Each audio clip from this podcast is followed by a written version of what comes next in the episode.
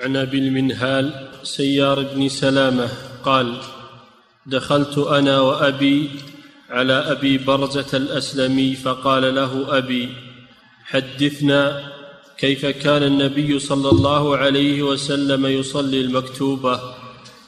فقال كان يصلي الهجير وهي التي تدعونها الأولى حين تدحض الشمس ويصلي العصر ثم يرجع أحدنا إلى رحله في أقصى المدينة والشمس حية. ونسيت ما قال في المغرب وكان يستحب أن يؤخر من العشاء التي تدعونها العتمة وكان يكره النوم قبلها والحديث بعدها وكان ينفتل من صلاة الغداة حين يعرف الرجل جليسه. وكان يقرأ فيها بالستين إلى المئة. نعم. وهذا أيضا فيه التفصيل في مواقيت الصلاة. فيه التفصيل في مواقيت الصلاة. هذا أبو برزة الأسلمي الصحابي الجليل يصف صلاة النبي صلى الله عليه وسلم فكان يصلي الصلاة التي صلاة الهجير يعني صلاة الظهر. والهجير شدة الحر الهجير والهاجرة شدة الحر. يصلي الهجير يعني صلاة الظهر التي تدعونها الأولى أي الصلاة الأولى الأولى وصف لموصوف محذوف أي التي تسمونها الصلاة الأولى. لماذا تسمى صلاة الظهر الصلاة الأولى؟ لأنها أول صلاة صلاها جبريل بالنبي صلى الله عليه وسلم. فإن جبريل نزل يصلي بالنبي صلى الله عليه وسلم فأول صلاة صلاها به صلاة الظهر فسميت بالصلاة الأولى كان يصليها في أول وقتها كان يصليها في أول وقتها كما سبق وكان يصلي العصر كنا نصلي معه يقول أبو أبو برزة رضي الله عنه كنا نصلي معه العصر فنذهب إلى رحالنا في أقصى المدينة. رحالنا يعني منازلنا. في أقصى المدينة والشمس حية يعني بيضاء. دل على أنه يقدم العصر. لأنهم يصلون مع النبي صلى الله عليه وسلم ويذهبون إلى رحالهم في أقصى المدينة ويصلون إليها والشمس حية. دل على أنه يقدم العصر ويصليها في أول وقتها. قال الراوي ونسيت ما قال.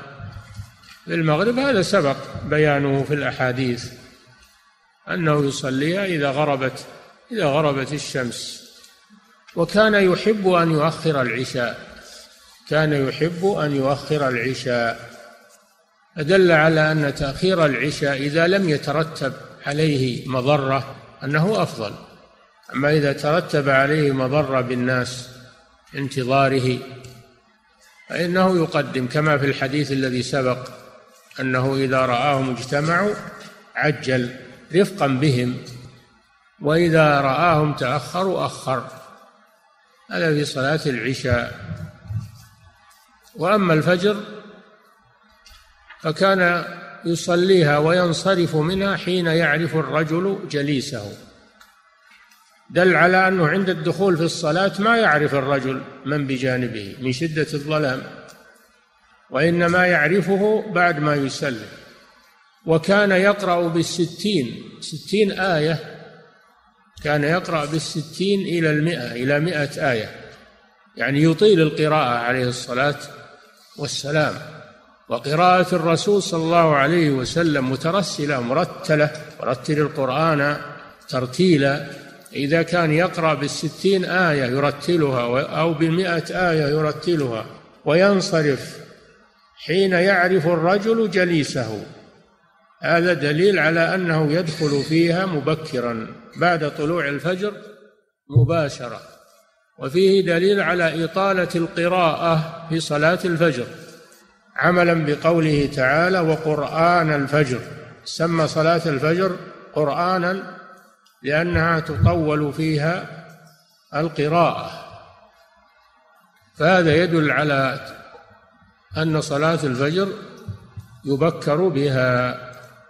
من من حيث أن الرسول ينصرف منها حين يعرف الرجل جليسا. دل على أنه عند الدخول في الصلاة لا يعرفه من الظلام. لأن مسجد الرسول صلى الله عليه وسلم ما كان فيه سرج ولا أنوار ما كانوا يضيئونه وإنما كان فيه ظلام ظلام الليل. وإنما كانوا يأتون إليه في ظلام ويصلون الفجر يدخلون بها والجو مظلم.